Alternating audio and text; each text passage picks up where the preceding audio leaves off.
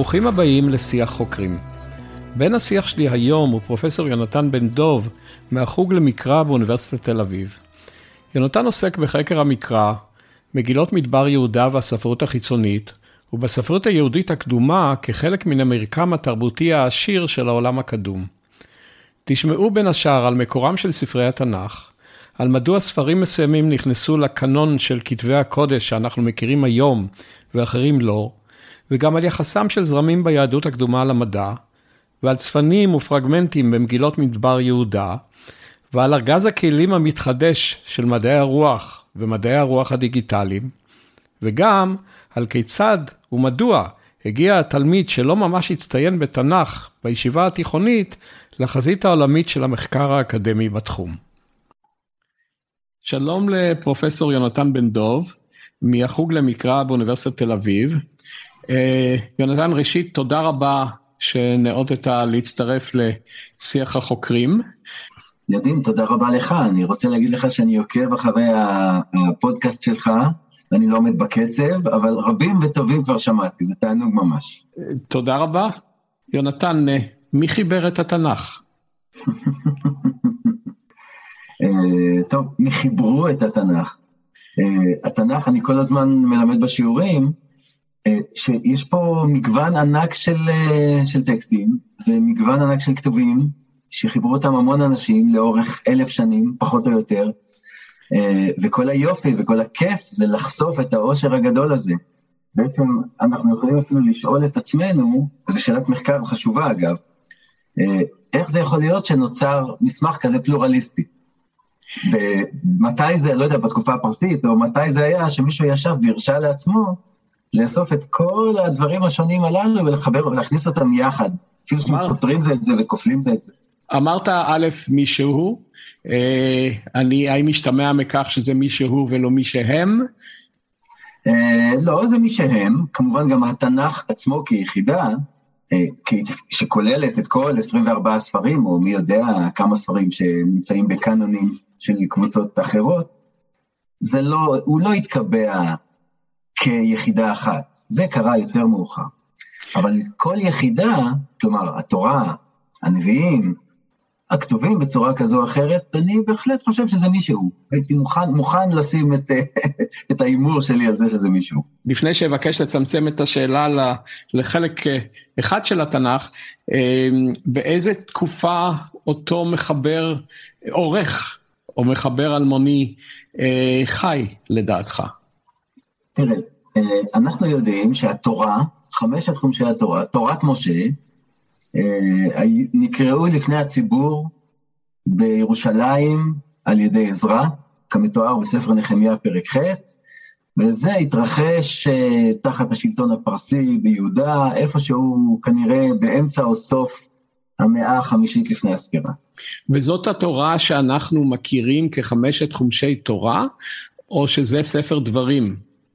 אה, מתוך הציטוטים שהם הקריאו שם בפרקים בעזרה, אתה רואה שהם הכירו לא רק את ספר דברים, אלא גם קטעים מספר ויקרא למשל. אה, הציטוטים שם לא כוללים קטעים מן הסיפורים של בראשית ושמות, אבל יש סיכוי טוב שזה היה גם בעסק בפנים. אז למעשה הולכנו את עצמנו לשל... לצמצום השאלה שביקשתי לשאול מלכתחילה, והיא הייתה מי כתב את החומש, את חמשת אה, אה, חומשי התורה. לפי דבריך, לפי המודל שאתה מציע, היה אה, אדם אחד, שוודאי היום היה מקבל פרס נובל לספרות, והוא לא רק שעיצב את התרבות האנושית, או את התרבות האנושית המערבית אה, לדורותיה במידה מסוימת, אלא גם אה, אה, נטל על עצמו לכתוב את ההיסטוריה של העם שהוא ראה עצמו מתייחס אליו. צריך המון אומץ בשביל זה. צריך המון אומץ, וצריך כמובן יצירתיות ויכולת ספרותית, כי בסופו של דבר התוצר הזה שנוצר, בנסיבות מאוד מסוימות, בתקופה היסטורית מאוד מסוימת על ידי אדם מאוד מסוים, החזיק מעמד כ-2,500 שנה ונתן השראה להרבה מאוד בני אדם בכל מיני כיוונים. אז זה באמת יכולות מסוימות, וזה באמת מפליא לראות כיצד דבר שמעוגן בסיטואציה מאוד מסוימת, מצליח בסופו של דבר אה, למצוא דרכים להרבה אנשים כל כך מאוחר. מה, מה גורם לך לומר שזה היה אדם אחד? הרי אתה אה, אקדמאי, איש מדע, יש ודאי, אני לא מצפה שתפרוס בפניי את העדויות, אבל העדויות נוטות לדעתך לכיוון עורך אחד או לכיוון מערכת? אני שוב חוזר על זה. כן, תראה, המחברים רבים, כלומר, הרבדים הספרותיים השונים, החומרים הספרותיים השונים שנכנסו לחמשת חומשי התורה, רבים על ידי מחברים שונים בתקופות שונות. השאלה היא מי קיבץ. והשאלה היא אם אחר שקיבץ אותו אדם עדיין היו עוד קצת התערבויות. גם זה קרה, אחרי שקיבץ. עכשיו, אה, אין לי מספיק, האמת היא שאין לי מספיק מידע כדי לומר שזה אדם מסוים אחד. אה, אני יכול באותה מידה לומר שזה אסכולה, אבל אה, יש קווים של עריכה, כלומר, יש קווים של קוהרנטיות לאורך כל הקורפוס הזה של חמשת חמשי התורה. האם העורך הזה, או, ה... או בוא נניח לצורך העניין אפילו מועצת המערכת, הוועדה, הנה ועדה שהוקמה והצליחה, אה, גם זה קורה. אה, האם היא עשתה זאת אה, מרצונה, או אתה חושב שקיבלה הנחיה לעשות כך? האם זו הייתה מלאכה שאדם בעל דחף תרבותי עשה, או אדם בעל דחף פוליטי?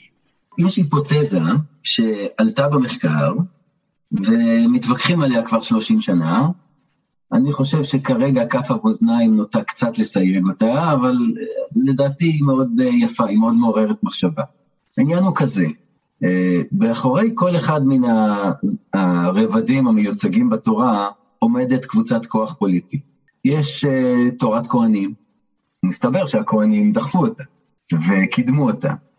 ויש ספר דברים שהוא מאוד שונה מתורת הכהנים, מסתם היו אנשים שהחזיקו ברוחו של ספר דברים. ויש עוד חומרים שונים ומשונים. בשלטון, בתקופה הפרסית, ככל שאנחנו יודעים לומר, אה, כלומר, הכוח הפוליטי הוחזק בידי הכהנים, הכהן הגדול, אבל גם היו שליחים, הכוח הפוליטי היו בשליחים של, אה, של האימפריה, נחמיה היה שליח של האימפריה, או היה פקיד של האימפריה. המעניין הוא שבדבר, במגבש הזה שנוצר, יש כל מיני חומרים מכל מיני סוגים. זאת אומרת, אילו היה מחבר כהן, היה מכניס רק את הכהנים. ואילו היה מחבר, נניח, אה, חכם היסטוריון, היה מכניס רק את ספר דברים. אבל העובדה היא שנכנסו פה כמה דברים, ולכן כנראה יש פה איזו דחיפה אחרת, או מישהו שכוחו היה רב יותר מכל אחת הקבוצות בנפרד.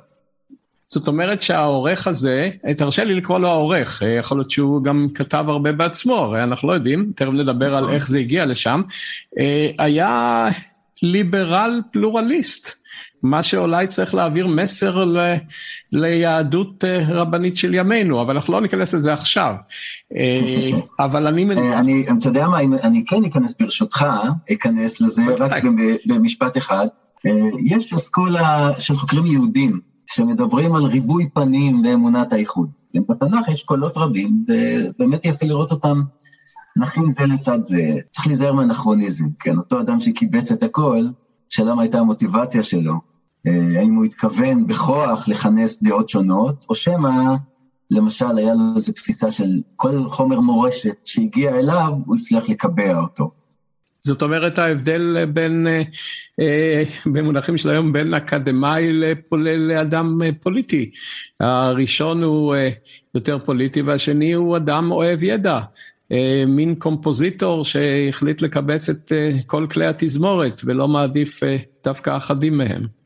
כן, כלומר, תראה, התפיסה של סמכות, חומר קדום שיש בידיו סמכות, ושאפשר להכניס אותו תחת תורת משה, זה לא תפיסה מאוד פלורליסטית במובנים של ימינו, זה להפך, אפשר לומר שיש לנו תפיסה אנטי-פלורליסטית, כן? אה, כי מה שקדום נכון ומה שלא קדום אינו נכון. אבל מן המוטיבציה הזו יצא, יצא תבשיל יפה. אה, הוא לא הוריד משם דברים שסתרו זה את זה. כן, זה דבר מיוחד. תראה, אנחנו במונחנו החוקרים עסוקים בלחפש סתירות. אה, והנחת היסוד המובלט שלנו היא, שאם יש דברים שסותרים זה את זה, זה לא יכול להיות באותו מקור נניח, כן? זה לא יכול להיות רצף סיפורי אחד שיש בו סתירה. טוב, זאת הנחת יסוד שאני עובד לפיה, אבל צריך לחשוב עליה, כן? יש גם חוקרים שטענו שהסתירות נמצאות בכוונה שם, כן? והן יוצרות בכוונה איזה טקסט מורכב, לא במונחים של הקוהרנטיות שאנחנו מאמצים בעקבות אריסטו. אה, יונתן, תראה, אה, עד עכשיו מה שבפירוש עלה מדבריך ומן השיחה היא שבכל מקרה, גם אם היה מחבר שחיבר קצת או חלק, וודאי אם היה איש שרק אסף, רק ליקט, או רק ערך, ושניהם ביחד, היו בפניהם, אני בכוונה, בכוונה אומר בפניהם כדי לא לסתור את האפשרות שזה היה אדם אחד, זה עבודת פרך, אה, איפה הוא שמר את העותקים. אולי לא היו עותקים, תאר לך שהיה מישהו לפניו והכל עבד. אה, אבל אה, בכל מקרה, היו חומרים קודם. איך הועברו החומרים האלה, איך הועברו הטקסטים האלה, עד שהועלו על הכתב?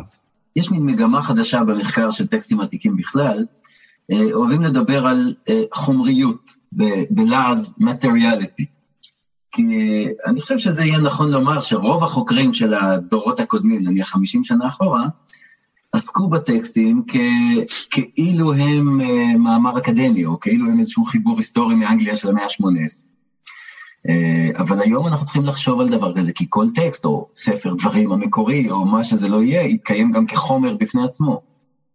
ולכן לקחת את זה בחשבון כשחושבים גם על הכלל. והיום יש... חומר, חומר תרבותי, אתה מתכוון, לאו דווקא חומר כתוב.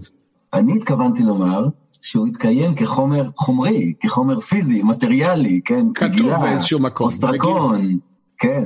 Uh, כמובן שעוד לפניו היו חומרים תרבותיים שהסתובבו בעל פה, וגם זה צריך להכניס בתוך המשוואה. אז יכול להיות uh, שהתמונה היותר uh, מתאימה היא שלפני העורך הזה, היו הרבה אורחים אחרים של טקסטים אה, נוספים, שאיכשהו אה, העלו בשלב מסוים איזה שהן סאגות, אה, אלו שהם סיפורים שעשו דרכם בקהילה או בקהילות שונות, וכך אפשר לצייר מין עץ אבולוציוני של הרבה אורחים שמובילים בסוף לאיזה פיק של עורך או מערכת אחת. בהחלט, זה מאמץ קומולטיבי של הרבה מסמכים שונים, שכל אחד מהם כולל בתוכו חומרים מסוגים שונים. כמה זמן הוא נמשך? אז בוא נניח שמשהו בסביבות המאה ה-12-13 לפני הספירה החלה להיווצר תרבות מסוימת. אה, והדברים התחילו להתגלגל, אז אה, זאת אומרת שבמשך אה, נניח 800 שנה לפחות דברים התגלגלו חלקם רק בעל פה, חלקם בעל פה ובכתב, מתי בכלל התחילו לכתוב בתרבות הישראלית?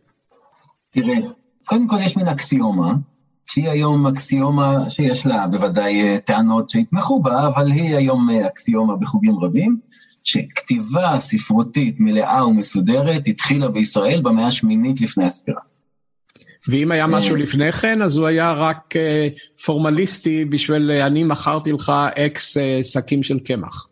כלומר נניח רשימות מנהליות כאלה, אבל כתיבה ספרותית התחילה במאה השמינית. זה לא נחלת הכלל, זה לא נחלת הכלל, יש רבים שחושבים שהייתה כתיבה ספרותית גם במאה העשירית. אה, אבל אה, אני חושב שזה אולי המאה התשיעית, אני מוכן לשים, לחתום פה על המאה התשיעית. אבל מה אני רוצה לומר? הרקע לסיפור הוא שמאות שנים אחדות לפני כן, כלומר נניח עד המאה ה-13 לפני הספירה, הייתה בכל המזרח הקדום תרבות סופרים עשירה ומלאה עם בתי ספר לכתב היתדות בכל רחבי המזרח הקדום, כולל כאן בארץ ישראל.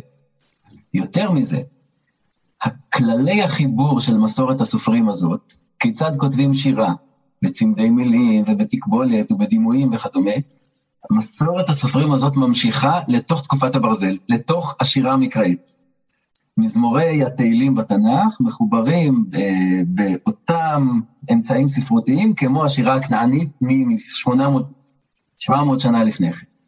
את זה הראה משה דוד קסוטו למשל. איפה, איפה היו בתי ספר האלה? האם נמצאו להן עדויות אה, פיזיות? אה, האם הן היו במוקד שלטוני או היו אה, מבוזרים? אה, והאם זה אומר שרק אליטה למדה בהם, או היה יכול אדם לומר, אני מת להיות אקדמאי אה, בנושאים האלה ואני הולך ללמוד איך להיות סופר? תראה, אנחנו חוזרים בזמנים עוד ועוד אחורה. כלומר, כרגע אנחנו מדברים על תקופת הברונזה, כן? על האלף השני לפני הספירה. אה, אז כלומר, הרבה לפני המקרא, כן? באלף השני, בתקופת הברונזה המאוחרת, הייתה תרבות סופרים גלובלית, שהייתה אחידה בכל רחבי העולם העתיק. כולל, כולל, כולל בארץ ישראל, מה שאנחנו מכנים ארץ ישראל? זאת השאלה. כולל בארץ ישראל או כנען, או... כן. אה, אה, תצטרך לשאול ארכיאולוגים עד כמה גילו בית ספר של ממש, אה, אבל יש לנו עדויות למשל מערים בסוריה, שבתי הספר התקיימו בבתים פרטיים, היה הסופר, שהוא היה לו איזשהו תפקיד ממסדי, אה, בית הספר התקיים אצלו בבית, כלומר לא היה איזה מוסד שנקרא בית ספר. אה, התלמידים, כלומר, לא כל אחד למד לקרוא ולא כל אחד רצה לקרוא. גם מלכים בדרך כלל לא ידעו לקרוא. בשביל מה, כן? המלך, שהוא צריך לתקן את הביוב, אז הוא הולך לאינסטלטור, כן? אז הוא סוחר בעל מלאכה לצורך זה. אז כשהוא צריך לקרוא, אז הוא סוחר אה, איש שיודע לקרוא, כן? בשביל מה? מה, מה הטעם? חבל לבזבז את המאמץ. אה, והיו בכל בית ספר כזה, היו כמניין תלמידים או שניים, ואנחנו יודעים פחות או יותר את הקוריקולום. ומי היו התלמידים? היה הרי, כדי לשלוח תלמיד לבית ספר כזה, אתה צריך לוותר עליו, אה, אם אתה בא מאיזושהי אחוזה חקלאית, אתה צריך לוותר על כוח אדם, כוח עבודה. הרבה פעמים התלמידים היו שושלות של סופרים. אה, אנחנו, את זה אנחנו יודעים יותר על מסופוטמיה ולא על, ארץ, על סוריה, ארץ ישראל, לא על הלבנט, אבל בבבל למשל, היו שושלות של סופרים, כלומר זה עסק משפחתי. עכשיו, האנשים האלה, האימון, הלימודים היו על בסיס של שוליה. כמו שאדם אה, מוסר את בנו ללמוד אה, סנדלר, אז הוא עובד כשוליה אצל הסנדלר, הסנדלר מקבל את, יש לנו אחוזים של השולייאות. הסנדלר מקבל את פרי עבודתו, הוא משלם לו נניח את אה, ארוחותיו במשך היום. אה, אותו, אותו דבר עם סופר. יונתן, לפני שנפנה אה, לשאלה שנוגעת למעבר מידע ולמה ידעו כותבי התנ"ך, אני בכוונה משתמש במונח כותבים, על התרבויות סביבן, כי זה יוליך אותנו לממשק מאוד מאוד מעניין לדעתי, מתוך כתביך אני מדבר, בין uh, התרבות היהודית בעת ההיא לבין המדע. Uh, אני מבקש לשאול שאלה שמתייחסת לשאלה שאליה התכוונתי כבר בהתחלה, כאשר אני שאלתי מי חיבר את התנ"ך, בראשי הייתה השאלה מי חיבר את חמש תחומשי התורה, וכאשר התכוונתי לשאול מי חיבר את חמש תחומשי התורה, התכוונתי לשאול מי חיבר את ספר דברים, או מי ערך את ספר דברים, ושם התכוונתי לשאול על טקסט אה, מאוד אה, ספציפי, אה, שהוא בדברים כ"ו, פסוקים ה' עד ט', אמ, והוא קרוי וידוי ביקורים, אמ, והטקסט הזה הוא פנינה מבחינת חוקר זיכרון. ותרשה לי אה, אה, לקרוא את הטקסט הזה, שהוא בסך הכל 63 מילים בעברית, טקסט מקסים אני חושב, ואני אסביר גם למה. ארמי עובד אבי, וירד מצרימה, ויגר שם במתי מעט, ויהי שם לגוי גדול עצום ורב, ויראו אותנו המצרים ויענונו ויתנו עלינו עבודה קשה, ונצעק אל אדוני אלוהי אבותינו, וישמע אדוני את קולנו, וירא את עוניינו ואת עמלנו ואת לחצנו, ויוציאנו אדוני ממצרים ביד חזקה ובזרוע נטויה ובמורא גדול ובאותות ובמופתים, ויביאנו אל המקום הזה, וייתן לנו את הארץ הזאת, ארץ זבת חלב ודבש. זו פנינה של חוקר זיכרון, כי זה מה שאנחנו קוראים core memory, אה, אה, זיכרון אה, ליבה. אה, בפסוקים המעטים האלה יש את כל ההיסטוריה שביקש האוויר להעביר של העם היהודי עד, עד אותה עת שהוא אה, ערך את זה, הוא כתב את זה, זה כתב אדם שהתכוון שיזכרו את זה. אה, יש פה כלים פואטיים, כמו ארמי עובד אבי, מי ששומע את הדבר הזה לא חושב שיכול לשכוח אותו, יש פה חזרות, אני לא אכנס פה לאנליזה הפואטית של הטקסט הזה. ואני שואל, מתי זה נכתב ובעיקר למה? אה, זה אחד מן הטקסטים שיש בתנ"ך, שאנחנו קוראים להם אה, סיכו, סיכומים היסטוריוגרפיים.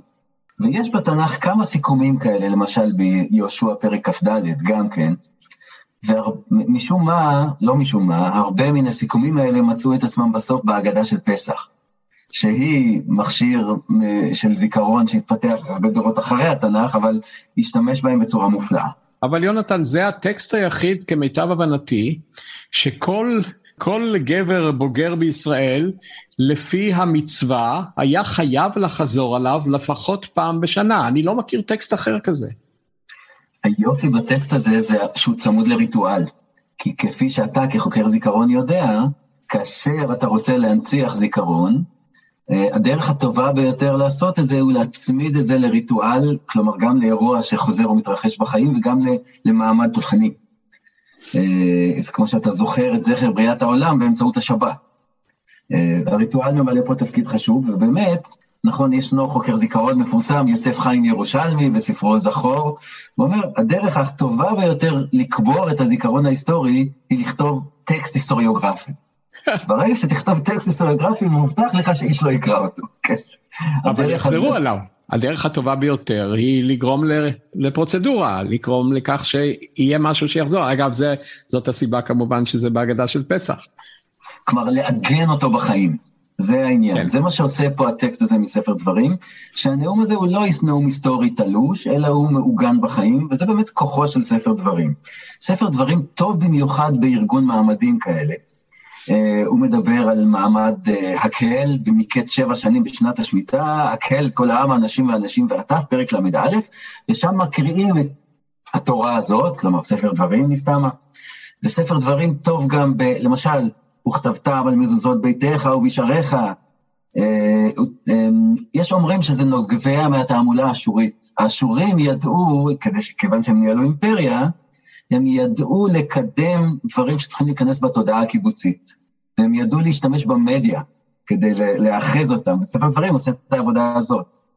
אבל שים לב בטקסט הזה ואני כבר עוזב אותו כי uh, אתה שם לב שהוא מעניין אותי במיוחד אבל לא זאת uh, לא, לא רוצה להוביל את uh, uh, מרבית השיחה לכאן. uh, חסר בו משהו. uh, יש בו ארמי עובד דוד וירד מצרימה uh, יש בו שהמצרים מינו אותנו. יש בו שאלוהים uh, עזר לנו והוציא אותנו ברעש גדול.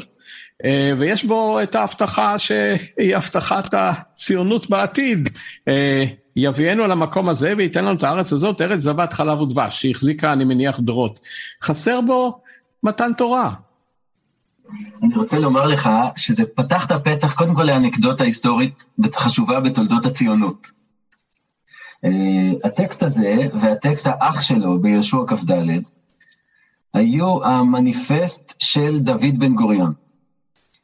ועוד לפני שהיו המניפסט של דוד בן גוריון, הם היו המניפסט של בן גוריון קודם, של מיכה יוסף ברדיצ'בסקי, שכינה את עצמו בן גוריון, ומשם לקח דוד את השם. מיכה יוסף ברדיצ'בסקי, אה, שהיה אה, איש חריף מאוד, והוא היה ממייצגי החשיבה הרדיקלית בספרות ובהגות העברית, כן, הוא הכניס את ניטשה למחזור הדם הציוני. אה, הוא כתב ספר של מחקר מקרא, ושמו סיני וגריזים, כתב בגרמנית. ובטקסט הזה הוא אומר, הברית המקורית לא הייתה בסיני. הברית המקורית הייתה בשכם, כפי שמתואר היטב בישעיהו כ"ד.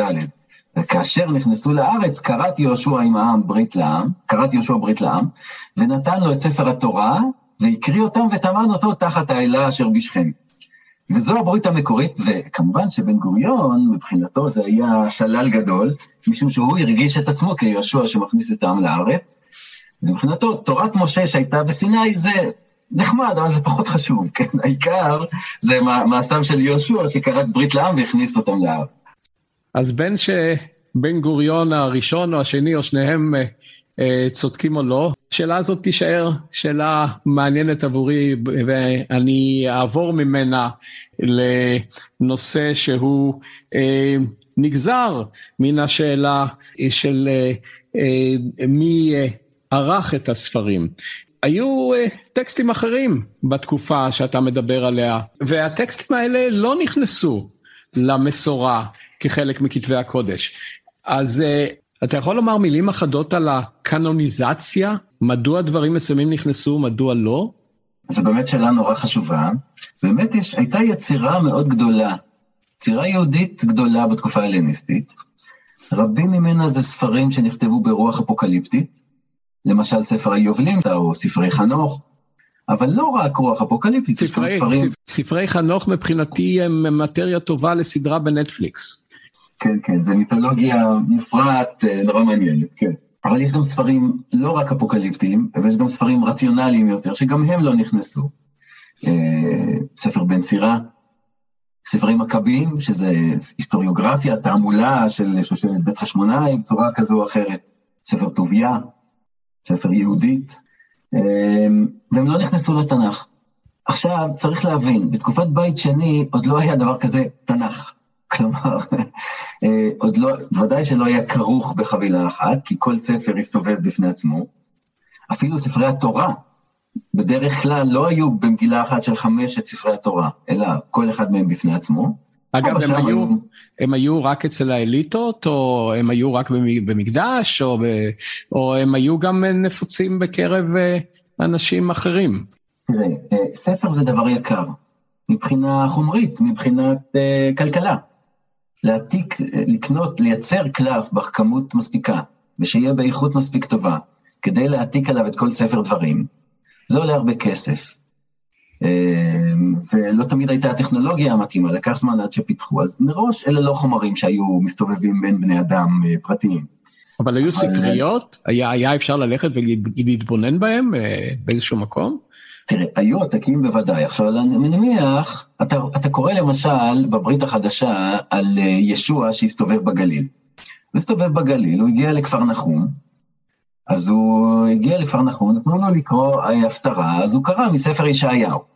זאת אומרת שבכפר נחום היה עותק של ספר ישעיהו. אמ, אני מניח שבכל כפר, או, היו, כן, אנחנו יודעים שהיו גם בתי כנסת אה, בתקופת בית שני, אולי לא בכל מקום. אז בכל בית כנסת היו כתבי קודש, קראו מהם. כמה היו, אני יודע, קשה לומר, אבל זה דבר שהיו לו מהלכים. היו הרבה מה, מההפצה, וזאת צריך לזכור, אתה כחוקר זיכרון, אנשים ידעו בעל פה. אנשים ידעו המון בעל פה. כן, הרי... תסתכל על איך לומדים את הקוראן, איך לומדים את הקוראן בחברות מוסלמיות. ילדים לומדים והם נבחנים בעל פה. אה, סליחה, אני בתור ילד בבית ספר דתי, למדתי משניות בעל פה. כילד בבית ספר בילו, ממלכתי דתי, אה, ידעתי טקסטים שלמים בעל פה, אני מודה למורים שלימדו אותי, אה, אז לא. אה, זה נותן לך עושר בלתי רגיל בשפה, שאני מניח שחלקו איבדתי מאז בנוסחאות, וזה נהדר, אבל נשים את זה בצד, כי אנחנו לא עוסקים בשאלת חינוך. זאת אומרת אבל ש... זה, זה לא מחייב שכל אחד ידע לקרוא, אה, אבל זה מחייב שהקריאה הייתה נורמה מקובלת, נכון? כן, זה כבר יותר מאשר, בתקופת הברזל באמת, אה, כבר בתקופת המקרן, מה שאנחנו אומרים, תקופת הברזל, אה, אפשר לומר שהידע של הכתיבה והקריאה הלך והתפשט, אבל זה לא היה נחלת הכלל. תקופת בית שני יותר. אז, אז יש לנו מצב שבו יש ספרות ענפה, עשירה ומעניינת מסוגים שונים, ובשלב מסוים היא עוברת קנוניזציה למה שאנחנו אה, רואים ככתבי הקודש. אה, האורחים אה, אה, נקטו בקריטריונים רבים להחליט מה כן ומה לא, יותר קל להגיד למה לא מאשר להגיד למה כן? אז תראה, מה שנקרא קנוניזציה, אני חושב שזה אחרי בית שני. בתקופת בית שני עצמה עוד לא הייתה, עוד לא היה המונח הזה של קאנון זה מונח יווני, כן, שנולד רק אחר כך כן. אצל הכנסייה. אני חושב שהקורפוסים הגדולים של התורה והנביאים והתהילים היו כבר מקובלים כבר אז, די בראשית ימי בית שני כבר היו מקובלים, עוד היו שינויים בתוכם, אבל הקורפוסים האלה היו מקובלים. כל השאר, מה שאנחנו קוראים כתובים, היו הרבה, ולקבוצות שונות היו מבחר של כתבים שעניינו אותם והם החזיקו בהם יותר מאשר אחרים. למשל, הספרייה שהתקבצה בקומראן, אה, שעיקרה, הייתי אומר, במאה הראשונה לפני הספירה, קודם כל זאת ספרייה יוצאת דופן, כי זו כמות גדולה מאוד של ספרים. אנחנו, הגיעו אלינו כ-900 מגילות, זה המון, המון, המון, המון. אני לא יודע אם היה עוד בארץ ספרייה כזאת, במקדש, קשה לי להאמין. בכל אופן, שמה, אם תעשה את הסטטיסטיקה של הספרים המיוצגים אצלם, לפי הפופולריות ולפי הערך שייחסו להם בני החבורה, אתה רואה שלמשל ספר חנוך וספר היובלים, יש הרבה יותר עותקים מאשר ספר דברי הימים. ספר דברי הימים מיוצג בעותקים בודדים, אה, די דלים, ספר עזרא ונחמיה, עותק אחד שנשמרו ממנו, טוב, זה עניין, התולעים אכלו אותו, אז נשמר ממנו מעט מאוד, ספר עזרא לא נשמר בכלל, אף על פי שכנראה כן הכירו אותו, אבל אתה יכול לראות, כן, זה היה עניין הרבה יותר מוכר והרבה יותר חשוב והרבה יותר פופולרי, אה, ספר דברי הימים. עכשיו, אה, היו, בתקופות האלה, גם בזמן בית שני וגם אחר כך, כל מה שאנחנו קוראים כתובים היה די נזיל. אה, וכשהתחילו לקבץ קאנונים, אני חושב ברוח אבות הכנסייה, כלומר במאות הראשונות לספירה, אז כמו שאתה רואה, כל אחד קיבץ קאנון אחר. יהודים באלכסנדריה, דוברי יוונית, שקיבצו קאנון של התנ"ך, המכונה באצלנו היום תרגום השבעים, הם לא בחרו, הם כן הכניסו למשל את ספרי מכבים. אה, ואת ספר בן סירה. אז זה גם קאנון, זה גם תנ"ך, כן? רק שזה, הם לא מסדרים את זה ככה, אבל הם כן בחרו. מתי עשו את מה שאנחנו קוראים הקאנון המסורתי? זאת אומרת, ישבו יהודים ואספו ואמרו זה כן וזה לא, בשלב מסוים זה הגיע, עדויות עקיפות על העניין הזה אנחנו מוצאים בדברי חז"ל, במשנה, בתוספתא, במשנה מסכת ידיים ועוד בספרות התנאים, אנחנו מוצאים ויכוחים. אה, בעקיפין, בדיני טומאה, אנחנו מוצאים דיון האם שיר השירים נכלל, האם קהלת, האם כתוב, ביקשו, יש נקודה חשובה שיכולה ללמד אותנו על הקריטריונים. יש מקור אה, בחז"ל שאומר, ביקשו חכמים לגנוז ספר יחזקאל, שדבריו סותרים גופי תורה. בספר יחזקאל יש הלכות, יש חוקים, שמקבילים בחלקם לחוקי התורה של ספר ויקרא, אה, אבל הם שונים מהם, בפרטים. שונים בקורבנות שמביאים בחג זה או אחר, או בשאלה האם לכהן מותר להינשא ולמי בדיוק מותר לכהן להינשא. אה, והנה יש לך עדות שכיוון שדבריו סותרים, ביקשו לגנוז אותה. לכן אני חושב שזה היה שיקול משמעותי אגב. אה, ולכן למשל ספר היובלים לא נכנס, בסוף כשישבו והחליטו, ספר היובלים לא נכנס, כי דבריו סותרים גופי תורה, כלומר, בסופו של דבר מה שקובע פה זה הלכה. אם אה, יש בספר היובלים הלכה שונה של דיני מעשרות, איש לא היה מכניס אותו. מתוך התבוננות ב... בחלק מן הספרים החיצוניים, אה, אה, מתקבל הרושם שהכותבים או האורחים שלהם או שניהם היו מודעים היטב למסורות מדעיות שהיו במזרח הקדום ש, שקדמו להם. אמ, האם זה אומר משהו על יחסם אה, לתרבויות קודמות, למדע בכלל? אה, תראה, אצטט לך מהזיכרון שתי אמירות. קודם כל אמירה מספר בן סירה. ספר בן סירה הוא ספר כידוע חיצוני שלא נכנס אל הקאנון, והוא, אבל, והוא אני אבל דומה מאוד ברוחו לדעתי לטקסטים קאנוניים אחרים. הוא אומר ככה, במופלא ממך אל תדרוש, ובמכוסה ממך אל תחקור. במה שהורשית התבונן, ואין לך עסק בנסתרות. אה, זאת אומרת, אה, ברוחו המאוד פרגמטית, אומר בן סירה, אה, אל תניח לעצמך, הוא פונה לתלמיד, זו סיטואציה של הוראה, הוא אומר, אל תניח, אל תטריד את עצמך בכל הדברים האלה שאותם אפוקליפטיקנים מספרים לך על הכוכבים והשמיים והמלאכים, אבל גם, כן, גם על הטבע, כן? אל תעמיק בזה. תלמד את הדברים הפרקטיים הראויים לך בהוראה, בחינוך הבורגני הראוי. במונחים של מדע היום, הייתי אומר שמה שהוא מציע, תתעסק במה שאנחנו קוראים המזו וורלד, העולם שחושיך אה, מאפשרים לך לצפות בו ישירות. אל תלך למיקרו ולמקרו, שאתה צריך איזה שהם, איזה שהם כלים מיוחדים כדי להיכנס אליהם, אה, והם נסתרים ממך, שזו גישה אנטי-מדעית. אפשר לומר, אני חושב שזה נכון, שבמידה רבה יש פה גישה אנטי-מדעית, והיא בעצם גם הגישה המשתקפת בכתבי חז"ל מאוחר יותר, כן? אה, בתור, אה, אפשר לומר, לסמל את העניין הזה, אז חז"ל אומרים, כל המהלך בדרך ומפסיק מתלמודו ואומר מה נאה אילן זה, הרי זה מתחייב בנפשו. כלומר, מה אתה מתעסק בצ... באילנות, בעצים ובציפורים? תתעסק בתלמודו, כן? לימוד התורה זה העיקר. אבל בכל זאת, בספרים החיצוניים אנחנו מוצאים רפלקציות של אה, אה, אה דעות, אה, מתודות, אה, תיאוריות מדעיות שהיו בתקופה ההיא בעולם הקדום, זה נכון? באמת, בספרים שאנחנו קוראים אפוקליפטיים, נוצר מין מיקרו-אקלים מאוד מעניין, שלא האריך ימים. ש... לא האריך אה, ימים, לא האריך ימים ביהדות. ולא האריך ימים ביהדות, והאמת היא גם לא כל כך בנצרות.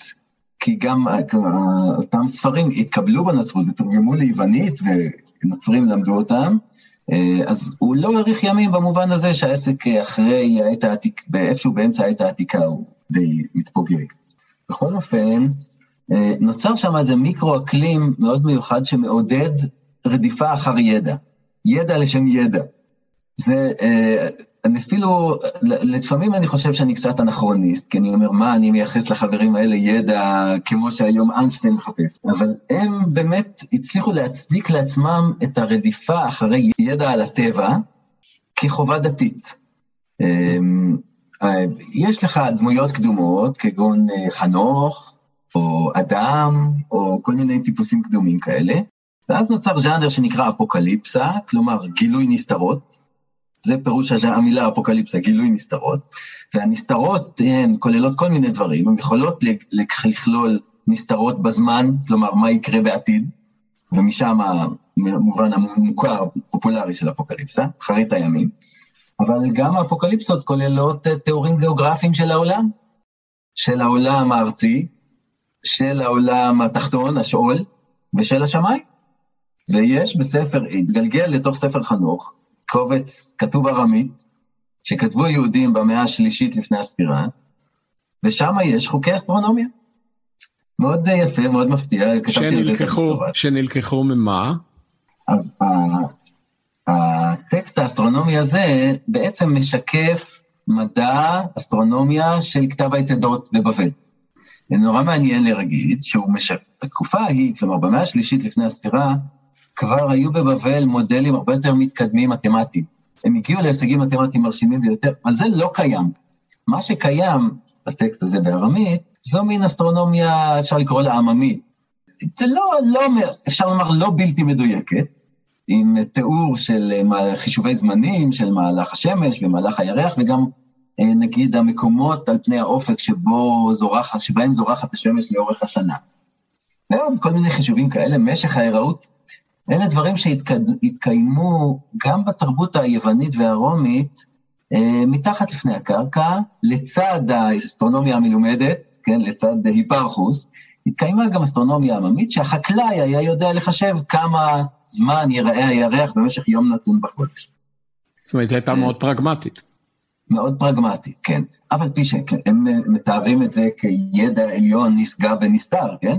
אבל בסופו של דבר אנחנו רואים שזו אסטרונומיה עממית למדי, אמ, אבל אה, הספר חנוך הזה מעניין, משום שאנחנו יודעים היטב שהרבה חומר מדעי עבר מתרבות כתב היתדות, מבבל, אל המערב. אנחנו יודעים את זה משום שמחברים יוונים ורומים מדווחים שיש להם תצפיות בבליות. תלמי, ביסק, כלומר הצליח לשכלל את uh, חישובי הקוסמולוגיה שלו, משום שהיה בידיו, בידיו תיעוד של ליקויי חמה החל מן המאה השמינית לפני הספירה, שבאו מהיומנים האסטרונומיים הבבליים. מה, הרב פירושו שהידע הזה היה גם בדרכו מצוי בארץ ישראל? כן, אז עכשיו, אם הוא הגיע ליוון, אז הוא עבר בדרך איפשהו כאן, כן? או ש... אולי גם, כנראה שהייתה איזושהי מסירה ישירה מבבל ליוון, זה עניין מרתק. אה, אבל גם בארץ ישראל, היא חלק מהמשחק הזה. צריך לומר שהיא חלק פריפריאלי במשחק הזה, כי לא היה פה ארכימדס, ולא היה פה היפרכוס, וגם לא תלמי. ומה שמגיע לארץ ישראל זה לא אסטרונומיה המתמטית, אלא הדבר העממי הזה. אבל בכל זאת, אפשר להראות, הקטעים האלה מספר חנוך, זה התרגום הישיר, הדוגמה הטובה ביותר שיש בידינו לתרגום מאכדית לארמית. כן, ודוגמה יפה של אה, יידוע או הכרה של אה, אה, תרבות מדעית, תיאורטית ופרקטית. אגב, אתה יודע שמדען כשהוא קורא את הפסוקים הראשונים של ספר בראשית, מגיע למסקנה המיידית שהאלוהים היה איש מדע. בכל יום כתוב אלוהים ברא משהו, וירא כי טוב. הוא עשה ניסוי וראה שזה מצליח. אה, אחרת, אה, למה הוא היה צריך להתבונן ולראות שזה טוב? הרי ברור מראש שהוא ידע מה שייצא. אז אה, כמובן שזו פרשנות מאוד צדדית של הנושא, אבל הגישה הניסויית מוצאת את מקומה גם ברבדים הקדומים ביותר של המיתוס היהודי. בהחלט, תראה, בראשית פרק א', הוא פרק מיוחד במינו. קודם כל, מבין תיאורי הבריאה הוא חריג שבחריגים. הוא חריג שבחריגים משום שהוא, אה, אין בו מלחמות, אין בו אלימות, אין בו אלים, אין בו מלחמות עם הים והמפלצות לפני הבריאה. וחלק מאותה תפיסה היא שאין בו אלימות, אבל מה שכן יש בו, יש בו תכנון מאוד מסודר. כיצירה ספרותית אתה רואה שהאלוהים, הוא מכריז שבכוונתו לעשות משהו, נעשה, כן, יהי מאורות ברכי השמיים להעיר, להבדיל בין היום ובין הלילה, ואז הוא יוצר את המאורות, ואז הוא עושה בקרת איכות, וירא אלוהים כי טוב. אז אה, מבחינה זאת, הספר הזה, הוא, הפרק הזה הוא מאוד מדעי, והוא שונה מאוד מפרק ב', סיפור הבריאה השני בפרק ב', שהוא מיתולוגי לחלוטין. עכשיו, המעניין, מה יפה בסוף פרק א', שהאדם נועד לשלוט בכל זה. כלומר, כל העולם נברא בשיטה ברורה, ונזר הבריאה הוא האדם, וכל החוכמה היפה והמסודרת הזאת ניתנה ביד האדם לשלוט בה. זאת אומרת שאם האדם ישכיל ללמוד את סדר הבריאה, הוא ישלוט בו. זה ממש מדע, הייתי אומר, זה המדע של המאה ה-20, לא של המאה ה-21, אבל זה מאוד המדע של המאה ה-20. כן, מצד כן. שני, כשהוא טועה מעץ הדעת, הוא נענש. זה באמת שייך לסיפור השני האחר לגמרי.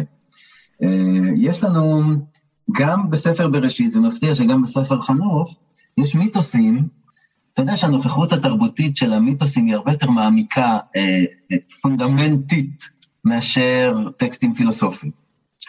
ויש לנו שני מיתוסים שמדברים על, על הידע האנושי, הציוויליזציה כחטא.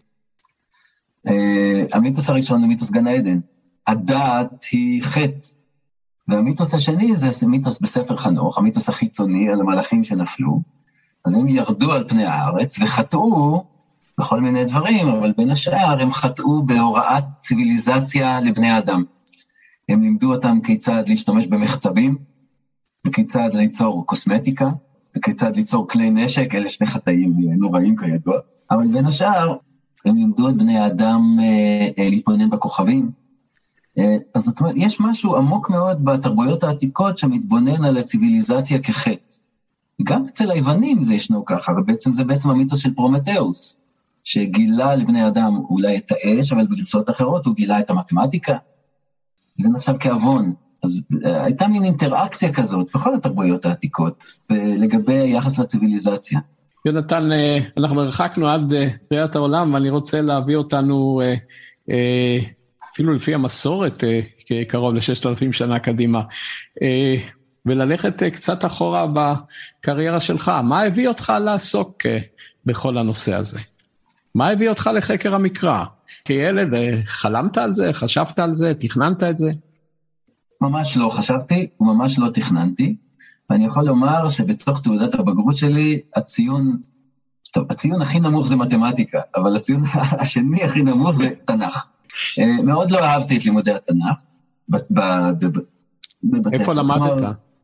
למדתי אה, בישיבה התיכונית בנתיב מאיר, למרות שחלק ממוריי היו באמת מצוינים, אבל באופן כללי לא, זה לא עניין אותי, לא נמשכתי לזה בכלל.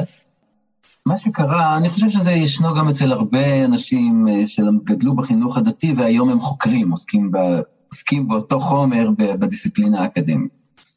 אה, כשאני מסתכל על עברי, אני חושב שכבר בתיכון התעוררה בי איזושהי הרגשה עמוקה מאוד, שאני לומד את ה... אני משקיע את רוב שעותיי בלימוד התורה והגמרא, אבל משהו חסר, זה לא זה, משהו בהבנה הוא לא מספיק מעמיק.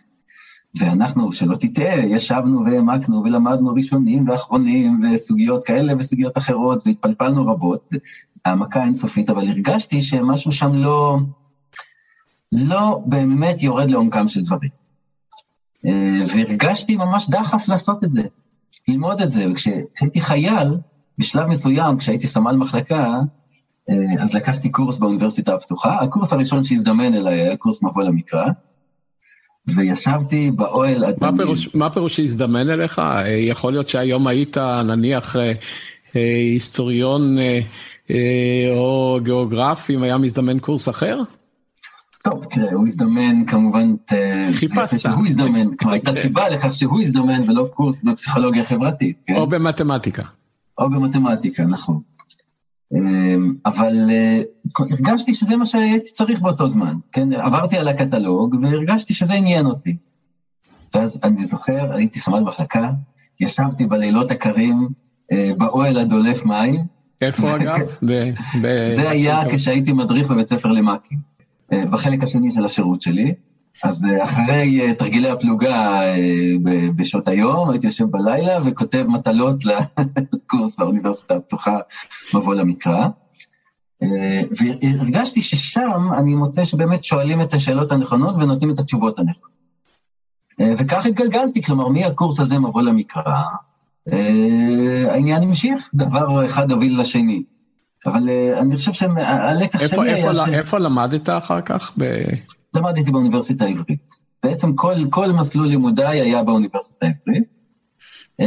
אני הייתי בתקופה של, תקופת, תקופת תור הזהב של האוניברסיטה העברית. אני חושב שזה הסוף התקופה של תור הזהב של האוניברסיטה העברית. גם כל גדולי עולם בחקר המקרא, אבל גם בתחומים אחרים, מאוד למדתי ב, ב, במהלך לימודיי, מאוד אהבתי לקחת קורסים אחרים, ולמדתי יוונית, וקורסים ביוונית, בהיסטוריה יוונית, בפילוסופיה, במדע הדתות, בהיסטוריה, והיו באמת כל גדולי העולם, חלקם גמלאים כבר, אבל הספקתי ללמוד אצלם. קיבצתי את הידע הזה מהרבה, מהרבה מורים טובים, ממש התמזל מזלי. בואו נעבור לקראת הסיום מן העבר לעתיד. אחד הפרויקטים העיקריים שאתה עוסק בהם, לפי מה שאני רואה, עוסק בדיגיטציה של מגילות, מה שאנחנו קוראים מגילות ים המלח. זה מוביל אותנו לשתי שאלות. אחת, אם אתה יכול לומר על זה מילים אחדות, והאם כתוצאה מהדיגיטציה למדנו דברים חדשים, או שזה רק שימור? ונושא שני הוא העתיד של מדעי הרוח, שאיתו אנחנו נפליג הלאה לקראת הסיום. בשנים האחרונות, אפשר לומר שזה אולי כמעט עשר שנים, באמצעות ידידים, בעיקר באמצעות ידידי פרופסור דניאל שטקל בן עזרא, שיושב בפריז, נחשפתי לעולם הזה של מה שאנחנו קוראים היום דיגיטציה, או מדעי הרוח הדיגיטליים, ואני הולך ומתפתח בכיוונים שונים. אתה יכול להגדיר גם... אותו? יונתן, אתה יכול להגדיר מהם מדעי הרוח הדיגיטליים? כן, זה, מין, זה, זה מונח מטריה, אין לזה הגדרה מדויקת אחת, אבל בעצם, בסופו של דבר, זה אומר שכל החומר, חומרים שאנחנו עובדים עליהם, בסופו של דבר זה בשפת המדענים היום דאטה. ואפשר לגשת אל הדאטה הזאת ולעשות איתה כל מיני דברים. בזה עוסקים מדעי הרוח דיגיטליים. עכשיו, חלק ממדעי הרוח הדיגיטליים עוסקים בהנגשה. כלומר, לקחת את אותם כלים אה, של מידענות שהיו בידינו במשך אלפי שנים או מאות שנים, פשוט לעשות אותם טוב יותר, מהר יותר ויעיל יותר. אין פה מימד חישובי מעמיק, אבל יש למרות שבהחלט יש גם חישובים שנדרש, שנדרשו לצורך זה, אבל היום התוצאה היא שכל אדם שרוצה לקרוא טקסט בסנסקריט מהמאה השביעית לספירה, או בפרסית בינונית, או בטיבטית, או רוצה לקרוא שו"ת של רבנים יהודים מימי הביניים, או לא משנה מה שזה לא יהיה, או רוצה לראות תמונות, או רוצה לראות רק, פרסים. רק, רק נסביר ששו"ת זה שאלות ותשובות. נכון, תודה. אז כל מי שרוצה לגשת לכל מידע היסטורי מכל סוג שהוא, חומרי, טקסטואלי, חזותי, מה שלא יהיה, אנחנו הולכים לקראת סטנדרטיזציה מוחלטת, כלומר, לא זו בלבד שהמון פרויקטים אוספים את המידע הזה, אבל אנחנו עומדים לקראת סטנדרטיזציה של כל העניין הזה, שכולם יהיו מתויגים במחשב באותה שיטה, וזה מאפשר פשוט גישה למידע שהיא בצורה אקספוננציאלית הרבה יותר מתקדמת ממה שהיה לפני. ואנחנו רואים את הפירות של זה במחקר, בכל מקום. כן. אז, זה, אז זה? זאת מטרת ההנגשה. זאת אומרת, כן. לאפשר לכל אה, אה, מאן דביעי לגשת לחומר אה, במהירות רבה, ועצם העובדה שהוא קיים ולא מתחבא בתוך המגירה של איזה חוקר שהחליט שזה שלו וזהו. והסיפור הזה ודאי מוכר לך היטב, ולא ניכנס אליו. אבל יש גם ממד שני, וזה המידע הנוסף שאתה יכול להפיק מתוך ההתבוננות בטקסט הזה כשהוא עובר לפורמט אחר. כן, זו שאלת השאלות. כלומר, השאלה היא, האם כל הרוח הדיגיטלית החדשה והגדולה הזו שפוקדת אותנו בשנים האחרונות, האם היא בעצם, האם יש הבדל איכותי לעומת המחקרים הקודמים שנעשו, או שזה רק כמותי. כלומר, האם זה אומר שפשוט יכול להגיע ליותר מידע ולעשות את זה יותר מהר, או שאני יכול ליצור שאלות מחקר חדשות. אמ, צריך לומר שכן יש שאלות מחקר חדשות, אבל הרבה מזה מגיע מרובד שני של מדעי הרוח הדיגיטליים, שאני קורא להם מדעי הרוח החישוביים, קוראים להם בצרפתית לאומניטה נומריק, קוראים להם, כן? שזה כמעט סותר את uh, שאיפתך בתיכון. מתמטיקה לא נראתה לך כלל, אבל זה כן, כמובן... כן, מצאתי את עצמי, כן, גם כן, במחקרי, כן. קורא כל מיני נוסחאות כן. אסטרונומיות, וגם הנה, רחמנא ליצלן יושב וכותב, מחבר אלגוריתמים עם, עם קולגות, כן. אז אני אתן דוגמה למשהו שאנחנו עשינו, שאני חושב שהוא מקד, כלומר, הוא, הוא מקדם באופן מהותי, לא באופן uh, כמותי, אלא מקדם באופן מהותי. עמד, בפנינו, עמד בפנינו פפירוס ממדבר יהודה, מקומראן, שנשבר לכ-300 חלקים, או נניח פפירוסים אחדים שכתובים במקרה, הם כתובים בצופן, יש, זה דבר מעניין, יש בקומראן מגילות אחדות שכתובות בצופן. הטקסט לא מוכר לנו, ואנחנו רוצים לחבר אותם, לעשות פאזל. צופן פירושו לא שהאותיות או השפה שונה, אלא שהמשמעות של המילים שונה? לא, לא, לא, המילים הן מילים סטנדרטיות לכל דבר, אלא שהוחלפו האותיות. האלף בית הוא אלף בית הירטי כזה, כן? אלף בית, כל, לכל אות יש צורה אחרת. צורה של צופן, כן. יש קורפוס קטן כזה במגילות. אבל פענחו את הצופן, לא אני, פענחו לפניי, ואנחנו uh, המשכנו את העניין. בין השאר, יש מגילה כזאת, שיש בה 300 פרגמנטים, אנחנו רוצים לחבר, בכל פרגמנט יש אה, לפעמים שלוש מילים, לפעמים חמש מילים, לפעמים שתי חצאי מילים, שני חצאי מילים. ואנחנו רוצים לתת, אני הצלחנו בעמל רב לשבת עם 300 הפרגמנטים האלה ולצרף שניים, שלושה, ואותם שניים, שלושה שצירפנו, זה באמת היה נפלא. הצלחנו להוציא מהם משמעות יפהפייה חדשה וממש לחשוף אה, אור, אור חדש בעבר. אבל הצלחתי בכוחותיי האנושיים, יחד עם הצוות שעמד לרשותי, צירפנו שניים שלושה פרגמנט. ניסינו לתת uh, לבינה המלאכותית לשחק uh, עם העניין. אתה יודע שלאנשי הבינה המלאכותית יש תחרויות uh, תדירות של להרכיב פאזלים. אז אמרנו, ניקח את האלגוריתמים האלה וניתן להם להרכיב פאזל של המגילה שלנו, כן? לצורך העניין, נחלץ תלמיד MA באוניברסיטת חיפה, רועי אביטבול, ויחד עם פרופסור אילן שמשוני, וקיבלנו עצות גם מפרופסור נחום דרשוביץ, ונתנו למחשב לשחק, וזה היה עבודה ראשונית, אבל אחרי משחק מרובה, מצאנו עוד שלושה פרגמנטים כאלה קטנטנים וצירפנו אותם. זה יפה, אבל זה רק ההתחלה. הפרגמנטים הקטנטנים האלה, אני מוכרח לומר, לא שינו את העולם, אבל כן צירפנו אותם. אה, ואפשר עוד לשכלל את האלגוריתם ולהגיע לתוצאות טובות יותר. עכשיו, עכשיו כמה פפירוסים מקוטעים יש שם בספריות בעולם?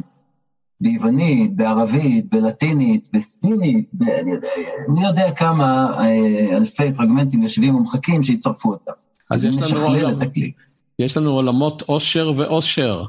אה, בעין ובאלף שמצפים לנו שאפשר לחשוף אותן ולהיכנס לתוכן באמצעות הכלים הללו. מה זה אומר לגבי החינוך אה, בעתיד של אה, אנשים אה, אה, שפונים למדעי הרוח, כולל למקצוע שלך. מה זה אומר לגבי ארגז הכלים שהם יידרשו לו? כי למרביתם, כמו שאני מבין, אה, מתוך היכרות אישית, עצם הרעיון נראה קצת כמו שנראה לך ודאי, נראתה לך ודאי מתמטיקה בתיכון. אבל האפשרויות הן אדירות. מה זה אומר לגבי ארגז הכלים שחייבים לספק להם? קודם כל, אני מאמין גדול בארגז הכלים המסורתי. אני באמת באמת חושב שסטודנט או סטודנטית שנכנסים לחוק לימודיהם צריכים ללמוד שפות עתיקות וצריכים ללמוד אה, פילולוגיה ודקדוק וצריכים לקרוא טקסטים בכל השפות הללו וללמוד, אה, אה, אין שום דבר פגום בכל השיטות הקודמות, להפך, אדרבה, אנחנו רק מצליחות להתקדם עוד ועוד ולעשות חיל. אבל אני חושב שבאותה מידה שאנחנו דורשים מתלמידי הנדסה לקחת אה, שש נקודות במדעי הרוח. אני חושב שזה נכון וטוב להם וטוב לחברה, שכל מהנדס ידע משהו על הומרוס או על, אה, או על התנ"ך, על ישעיהו הנביא. באותה מידה, אני חושב שתלמידי אה, רוח ירוויחו אם הם יקבלו כלים בסיסיים, אוריינות, מה שנקרא היום, ואפילו קצת יותר מזה, בגישה, בחומר הדיגיטלי, שהיום הוא חזות הכל, כל העולם עושה את זה. Uh, אולי יש באמת uh, אחדים שזה נורא קשה להם, וזה אטום בפניהם, וזה ירחיק אותם, ונכון, יש כאלה. אני חושב שרובם יכולים להתמודד עם...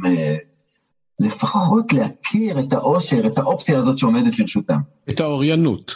את האוריינות, כן, לדעת שיש פרויקטים שעושים, נוקטים גישה חישובית לגבי הארכיון של בית מדיצ'י בפירנצה, אז כל היסטוריון מתחיל, שמתחיל לעשות בתקופת הרנסאנס, צריך לדעת שזה קיים, ולדעת מה עושים עם זה, ולדעת שאם הוא ירצה אי פעם, או היא תרצה אי פעם, לבדוק את הארכיון המסוים שהיא עובדת עליה, מה אפשר לעשות. ואם צריך ללמוד בשביל זה קצת תכנות, אז אפילו גם קצת תכנות.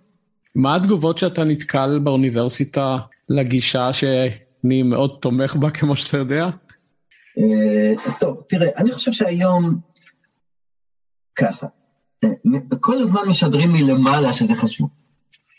ונותנים לנו להבין שיש גם כסף שמסתתר שם, כן? אנחנו מתחילים, אנחנו גם רואים בעצמנו, כן? היום, אבל למעשה היום בכל גרנט, כל מענק מחקר רציני שאדם רוצה לכתוב, חייב להיות מרכיב דיגיטלי.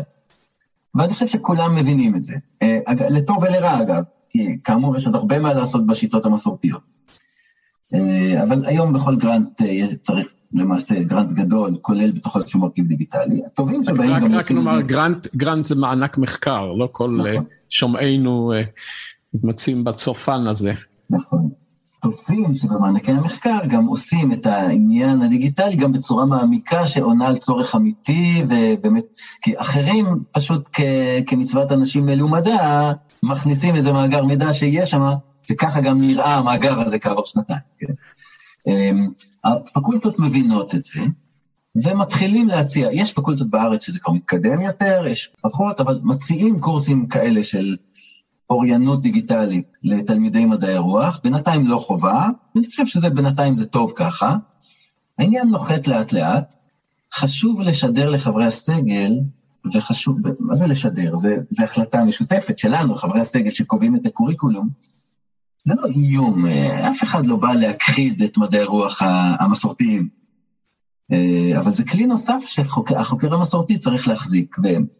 הדור החדש אה, מבין את זה, כי הסטודנטים הם כל היום משחקים בכלים הדיגיטליים, אז למה שלא ישחקו גם במאגרי מידע של חקר המקרא? אז ארגז הכלים של אה, סטודנטית או סטודנט אה, שייכנסו לתחום שלך בשנים הקרובות, דבר אחד ברור, הוא יהיה שונה בחלקו, לא במהותו, אלא בחלקו, אולי בחלקו המסייע, מארגז הכלים שסופק לך, ו... מבחינתי זה יפה, כי זה מראה לא רק על התפתחות הידע, אלא גם על התפתחות הכלים שמאפשרים התפתחות ידע נוספת. אה, יונתן, אני מאוד מודה לך על שיחה שאני למדתי ממנה הרבה. תודה רבה, היה כיף.